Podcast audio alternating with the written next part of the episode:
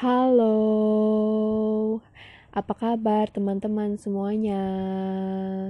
Balik lagi sama Nita di sini di podcast gue, Story of Story. Terima kasih masih mau mendengarkan cuap-cuap gue yang masih sendirian ini.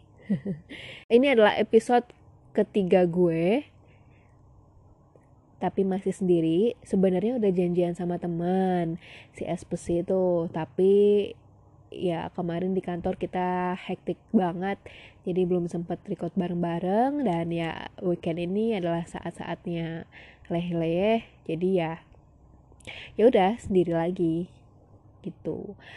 Um, weekend ini gue di kamar ya as usually sih kayak beberes aja gitu terus olahraga dan sebagainya Terus gue ditemani oleh beberapa podcast, termasuk satu podcast yang ada yang gue suka dengerin juga tuh uh, kayak podcast dari Pasutri gitu. Mereka tuh suka bahas tentang ya relationship lah dari sebelum pacaran sampai dengan mereka punya anak sampai saat ini. Ada dari satu episode mereka yang menarik perhatian gue di antara podcast uh, di antara eh, episode-episode yang lainnya itu ada salah satu yang uh, membahas soal inner child. Yang bisa gue bilang inner child ini adalah sebuah gangguan mental ya. Dan gue tahu gue punya tuh inner child. Si inner child ini adalah kayak sebuah ketakutan di masa kita kecil uh, yang ke bawah-bawah sampai kita dewasa. Jadi saat kita dewasa tuh kita berusaha supaya si inner child kita ini gak terjadi di di saat di masa dewasa kita. Entah buat kita sendiri entah bisa buat orang lain gitu. Maksudnya kita mau orang lain gak ngerasain apa yang kita rasain ketakutan yang kita rasain di masa kecil itu. Gitu gue punya itu tapi mungkin untuk inner child akan gue bahas di episode berikutnya. Ini yang mau gue bahas saat ini adalah ya seputar uh, gangguan mental yang bisa kita alami kapan aja bisa kita alami di usia berapa saja dan tidak menutup kemungkinan ya pasti kita pernah mengalami itu yang namanya gangguan mental.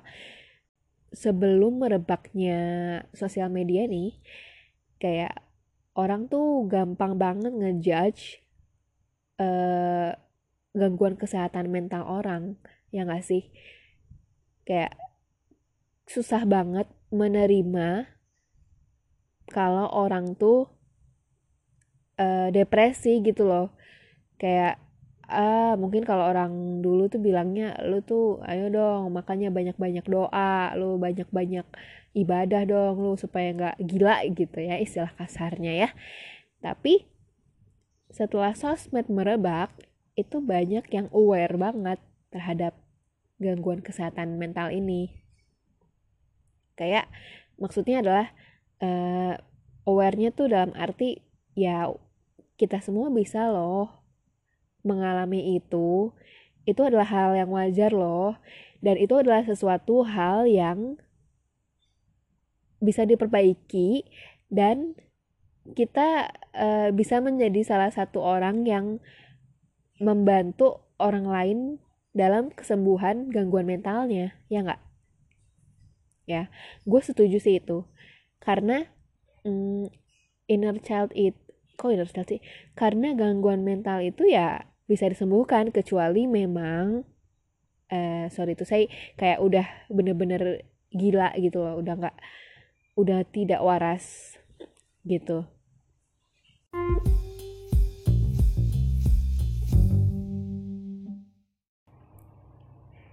Nah, kenapa sih gue mau ngebahas soal uh, gangguan mental? Jadi, seperti yang udah gue bilang tadi, gue tuh punya yang namanya inner child, dan itu adalah salah satu gangguan mental. Gue mau memahami uh, diri gue sendiri gitu loh.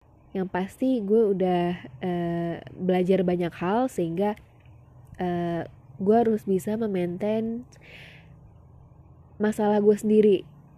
Yang mana masalah itu pasti akan mempengaruhi gangguan mental gue. Nah terus yang kedua gue suka menilai orang dari karakternya gitu. Karena gue uh, merasa mulai terbiasa dengan karakter orang yang berbeda-beda gitu. Kan ada ya orang yang misalnya gak bisa nih ada sama uh, gak bisa nih mengikuti pola hidup orang yang bawaannya marah-marah mulu atau gak bisa nih mengikuti pola orang yang ngeluh mulu kayak gitu. Nah kalau gue mungkin karena pernah berada di posisi kerja yang gue harus bisa menghandle uh, beberapa karakter orang jadi gue semakin terbiasa dan gue suka mempelajari karakter orang gitu jadinya kayak gitu. Yang ketiga jujur dulu tuh waktu uh, mau kuliah gue tuh sempat tertarik sama yang namanya psikologi. Dan kalau bisa dibilang gue nggak jadi masuk psikologi tuh gue menyesal lah gitu. Karena gue tertarik akan hal itu gitu. Uh, jadi tuh dulu bokap gue sering banget soal uh, kuliah. Dia tuh me, kayak istilahnya mewajibkan anak-anaknya uh, kuliah di kampus negeri gitu. Sedangkan uh, gue sempat diterima di kampus swasta tapi kayak semacam ada uh, sedikit beasiswa lah gitu. Di jurusan psikologi tapi nggak boleh sama bokap gue. Ya akhirnya ya inilah jadinya sekarang ini gue suka banget sama yang namanya hal-hal yang berbau dengan karakter orang gitu.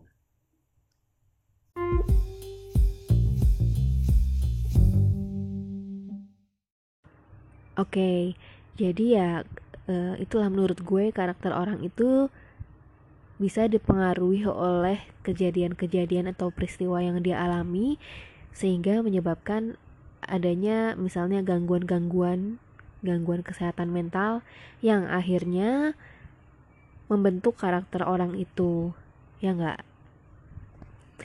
nah gue akan jelasin dulu nih. Ada beberapa yang namanya gangguan mental gangguan metal gangguan mental. Ini gue langsung browsing di Google ya. Jadi ada yang namanya gangguan depresi mayor. Itu adalah gangguan mental yang biasanya suasana hati itu kayak tertekan terus gitu.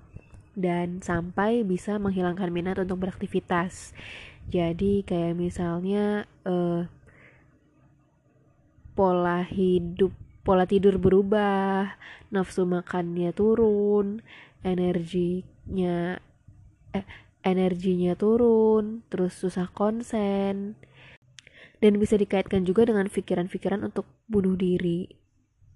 Terus yang kedua ada namanya gangguan kecemasan. Nah kalau ini tuh ya uh, ya perasaan cemas lah ya, khawatir dan rasa takut sampai mengganggu aktivitas kita sehari-hari gitu. Nah kalau ini tuh uh, gejalanya tuh stres yang nggak sesuai sama dampak peristiwanya gitu loh. Jadi kita tuh susah untuk menepis khawatir itu dan kita tuh sering gelisah. Terus yang ketiga ada yang namanya gangguan bipolar. Nah kalau ini kayak semacam dua kepribadian ya. Yang di mana salah satu waktu kita bisa menjadi happy banget terus tiba-tiba uh, di sisi lain tuh kayak depresi banget gitu tertekan banget kayak gitu. Kalau si bipolar ini bisa ditandai dengan seringnya orang itu suka berhayal. Terus dia tuh energik tapi jam tidurnya kurang. Terus uh, episode lainnya dia bisa menjadi uh, tidak termotivasi ya motivasinya rendah. Terus gak minat untuk melakukan kegiatan aktivitas sehari-hari. Terus ada juga namanya episode mood yang uh, moodnya ini bisa berubah-ubah selama beberapa hari hingga berbulan-bulan. Dan mungkin juga ada kaitan untuk berpikir bunuh diri. Kayak gitu. Terus ada juga yang namanya pikun. Nah ternyata pikun ini masuk ke gangguan mental ya. Tapi si pikun atau demensia ini bukan penyakit spesifik. Jadi kayak gampang lupa. Terus uh, saat berpikir tuh gampang terganggu sehingga ya mengganggu aktivitas juga gitu. Terus selanjutnya ada yang namanya gangguan pemusatan perhatian atau hyperaktivitas ini tuh kayak susah fokus terus hyperaktif dan impulsif. Impulsif tuh ya kayak semacam orang yang labil lah ya. Tiba-tiba melakukan sesuatu tanpa dipikir apa efek samping ke depannya gitu. Ini tuh uh, gangguan yang bisa terjadi di masa anak-anak dan bisa bertahan sampai masa dewasa. Tapi bisa juga menyebabkan dia seseorang itu tuh menjadi rendah diri gitu. Dan bisa mempunyai hubungan-hubungan yang bermasalah dengan orang lain serta dia juga sulit untuk melakukan aktivitas, baik itu di sekolah atau saat bekerja. Gitu. Terus ada juga yang namanya uh, skizofrenia. Skizofrenia ini adalah kemampuan seseorang untuk berpikir, merasa, dan berperilaku itu ada gangguan gitu. Kalau uh, tandanya dia tuh berpikir gak berhubungan sama kenyataan. Jadi pikirannya dia itu kayak gak ada hubungannya sama kenyataannya dia gitu loh. Ucapan dia sama perilakunya tuh gak gak sinkron, gak teratur. Gitu dan dia juga sulit untuk berkonsentrasi dan mengingat sesuatu. Terus ada yang namanya gangguan obsesif kompulsif. Nah, kalau ini uh, pikirannya lebih berlebih pikirannya tuh. Jadi kayak terlalu overthinking dan menyebabkan dia itu berperilaku kompulsif. Jadi kayak kalau kompulsif tuh melakukan sesuatu yang di luar uh, apa ya?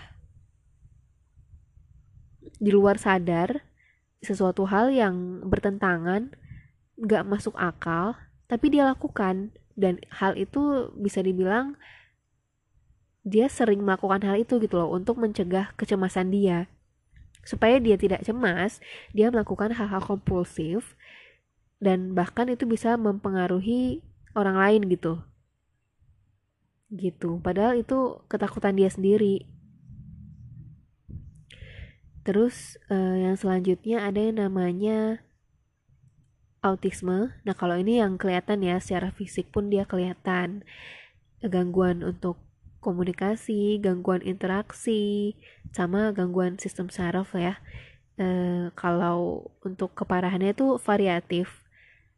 Yang pasti kalau ini tuh uh, gak bisa disembuhkan gitu.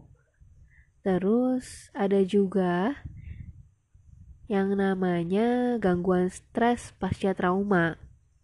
Nah, ini bisa disebut juga PTSD ya.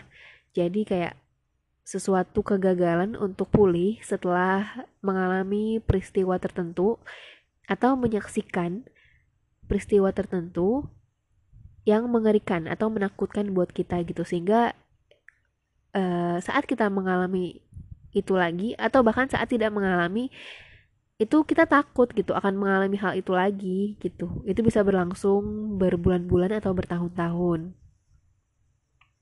Dan hal yang bisa membawa kita uh, apa ya istilahnya trauma lagi tuh ya karena keingetan terus akan hal itu gitu. Misalnya kalau gejala kalau gejalanya itu bisa berupa mimpi buruk atau kayak flashback. Jadi uh, keinget lagi tuh situasi-situasi itu gitu. Terus gelisah terus tertekan. Itu uh, cukup banyak ya orang yang mengalami itu. Termasuk gue juga lah bisa dibilang tuh gue punya gangguan stres pasca trauma. Nah orang-orang yang mengalami itu bisa ke ahli psikologi, ahli psikiater, dan bisa disembuhkan gitu loh dengan terapi-terapi tertentu. Gitu. Jadi uh, ya seperti yang kita sadari saat ini uh, apabila ada orang yang mengalami masalah-masalah mental ini janganlah dijudge ya jangan di uh, apa ya istilahnya di pojokan gitu kalau uh, kalau itu tuh salah. Sebenarnya itu tuh bukan sesuatu yang salah ba, ba, uh, karena itu sebenarnya adalah efek samping dari suatu kejadian gitu loh. Ya susah susah nggak susah ya. Karena uh, masalah orang itu kita bener-bener nggak bisa merasakan apa yang dia alami gitu loh. Dia sendiri yang tahu apa yang dia rasakan dan kayak uh, sebenarnya dia tuh udah berusaha untuk uh, keluar dari masalahnya. Cuman mungkin uh, ya jadi ada ketakutan sendiri kalau masalah dia itu nggak akan selesai sehingga muncullah gangguan-gangguan mental ini. Kayak gitu sih.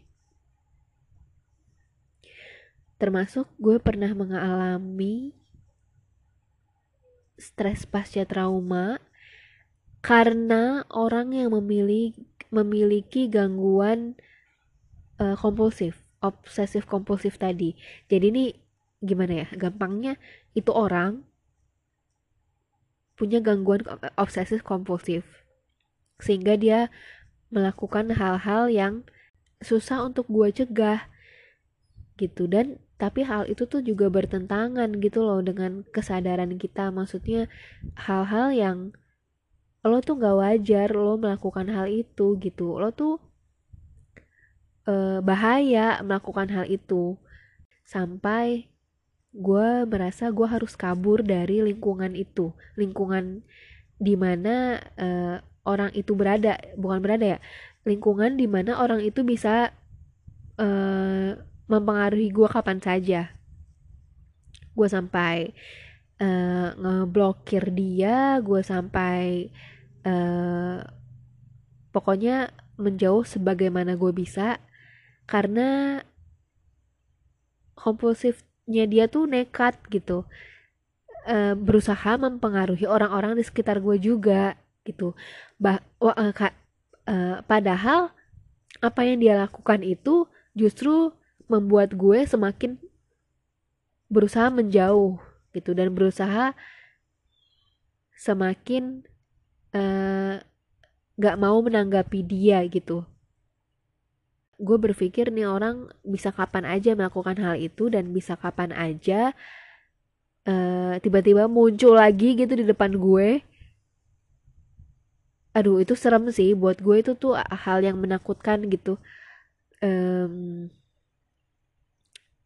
agak sulit ya gue ngebahasnya di sini tapi uh, pokoknya gangguan mental itu sesuatu yang sulit lah untuk disembuhkan. Itu sih intinya. Makanya kenapa sebisa mungkin uh, kita jangan sampai ya melukai hati orang gitu. Jangan sampai uh, menyebabkan seseorang tuh jadi kayak overthinking gitu loh. Memikirkan sebenarnya memikirkan sesuatu yang sebenarnya itu bisa dibicarakan dengan baik-baik gitu. Melakukan apa pun itu pasti kita punya dasar dan uh, yang namanya aksi pasti ada reaksi. Yang namanya uh, reaksi karena sebuah aksi yang memicu kita untuk bereaksi seperti itu. jadi jangan sampai ada uh, gue tuh selalu berusaha yang namanya uh, mengkonfirmasi gitu. Selalu mencoba mengkonfirmasi atas apa yang orang lakukan kepada gue. Misal ini contoh kecil aja sih. Kayak misal uh, gue deket nih sama seseorang. Terus eh ternyata gue tuh nggak bisa melanjutkan gitu. Gue ngerasa gue nggak cocok. Nah uh, biasanya orang akan menghindarkan karena ketidakcocokan itu. Uh, mungkin aksi reaksi gue menghindar itu menyebabkan orang itu menjadi cemas ya gak sih? Ya kan? Oleh karena itu gue lebih uh, suka mengeluarkan statement gitu. Kalau gue sebenarnya tuh nggak tertarik sama dia gue nggak cocok sama lo gitu loh. Kalau misalnya gue nggak menyatakan hal itu ya itu menurut gue akan membebani dia gitu loh. Dan bikin dia istilahnya bisa membuat dia cemas lah mengganggu aktivitasnya sehari-hari gitu. Itu kan cukup eh, nggak uh, mengenakan aja kalau buat gue sih gitu. Walaupun sebenarnya gue juga pernah hilaf sih lupa gitu ya. Uh, cuman kan sebenarnya kita nggak mau digituin ya jadi ya sebisa mungkin kita tidak melakukan hal yang tidak kita ingin yang tidak ingin kita dapatkan dari orang lain. Gitu sih. Ya semakin kita dewasa semakin memahami hal itu kan. Karena karma does exist. Nah terus uh, soal yang tadi nih sebenarnya nih ya yang ada orang yang kompulsif yang mempengaruhi gue menjadi trauma itu tuh uh, juga nggak jarang tuh. Orang yang mempunyai gangguan mental menyebabkan orang trauma. Itu pasti banyak kan kayak gitu. Nah, kalau orang yang tadi kompulsif tadi tuh kenapa gue bereaksi terus eh, kenapa gue reaksinya bukannya menyembuhkan dia dari ras dari sikap kompulsif itu? Karena udah nggak bisa. Kayak jadi dia tuh udah mempunyai satu aksi dan gue udah bereaksi dengan cara yang baik-baik tapi dia bereaksi lagi nih. Bereaksi lagi ya tindakan kompulsif tadi sehingga ya gue udah nggak bisa kontrol dong. Itu kan di luar kendali udah tuh kompulsif itu. Dan uh, apa namanya gue lebih baik menghindar dari dia gitu.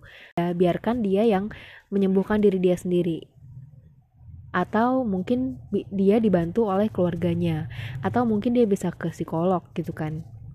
Untuk ya menyembuhkan uh, sikap kompulsif dia itulah. Kayak gitu. Itu udah nggak bisa. Yang istilahnya gue ngomong baik-baik pun udah nggak mempan gitu di dia. Nah ada lagi nih kasus yang orang yang trauma. Misalnya kayak gue nih. Tapi gue menyebab tapi gue menimbulkan trauma ke orang lain lagi. Ada loh yang kayak gitu. Gue kenal ada orang yang seperti itu. Jadi dia punya trauma traumatis akan masa lalunya dia. Jadi dia termindset tuh di otaknya dia kalau gue juga bisa seperti orang itu. Kayak gitu. Kalau gue juga bisa seperti orang yang menyakiti gue. Kayak gitu ya. Ada yang kayak gitu. Jadi secara tidak sadar entah ya sadar atau enggak dia juga menyebabkan dia juga melakukan hal-hal yang membuat orang lain trauma yang sama dengan yang dia rasakan. Kayak gitu. Itu lebih menyeramkan sih maksud gue uh, bisa dibilang memprihatinkan sih. Karena sejujurnya dia ngerasain itu dia nggak mau. Tapi kenapa dia uh, melakukan hal itu kepada orang lain lagi gitu. Yang mana orang lain lagi tuh bisa trauma juga gitu dan jadi kayak efek ya domino ya. Maksudnya terus aja kayak gitu sampai nggak tahu ujungnya di mana. Duh jangan sampai sih kayak gitu ya. Karena sebenarnya ya itu tadi hal-hal yang bisa kita omongin tuh ya lebih baik diomongin aja daripada menyakiti orang lain. Seperti itulah uh, untuk yang lainnya mungkin nanti akan gue bahas di episode-episode berikutnya karena uh, ini adalah pembahasan uh, pembahasan yang menarik buat gue.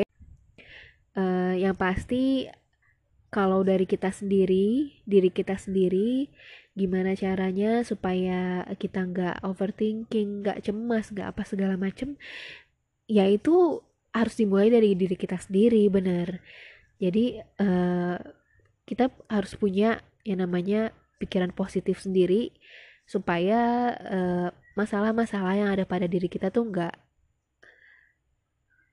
uh, jadi beban buat kita.